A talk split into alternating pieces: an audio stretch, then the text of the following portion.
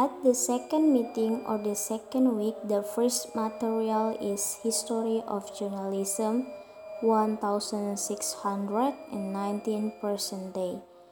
What I can conclude is we can see how journalists grow has become more independent and has escaped government control, thus allowing journalists to improve the news or to report news in the media as they see fit without being pressured from other matters and from the information.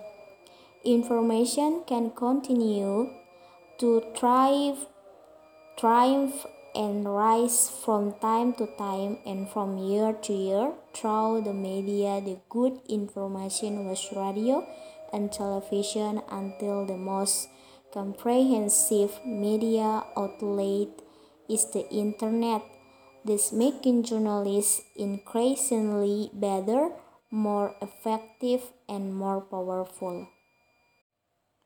Then the topic with the title of the second material is simple past and past progressive.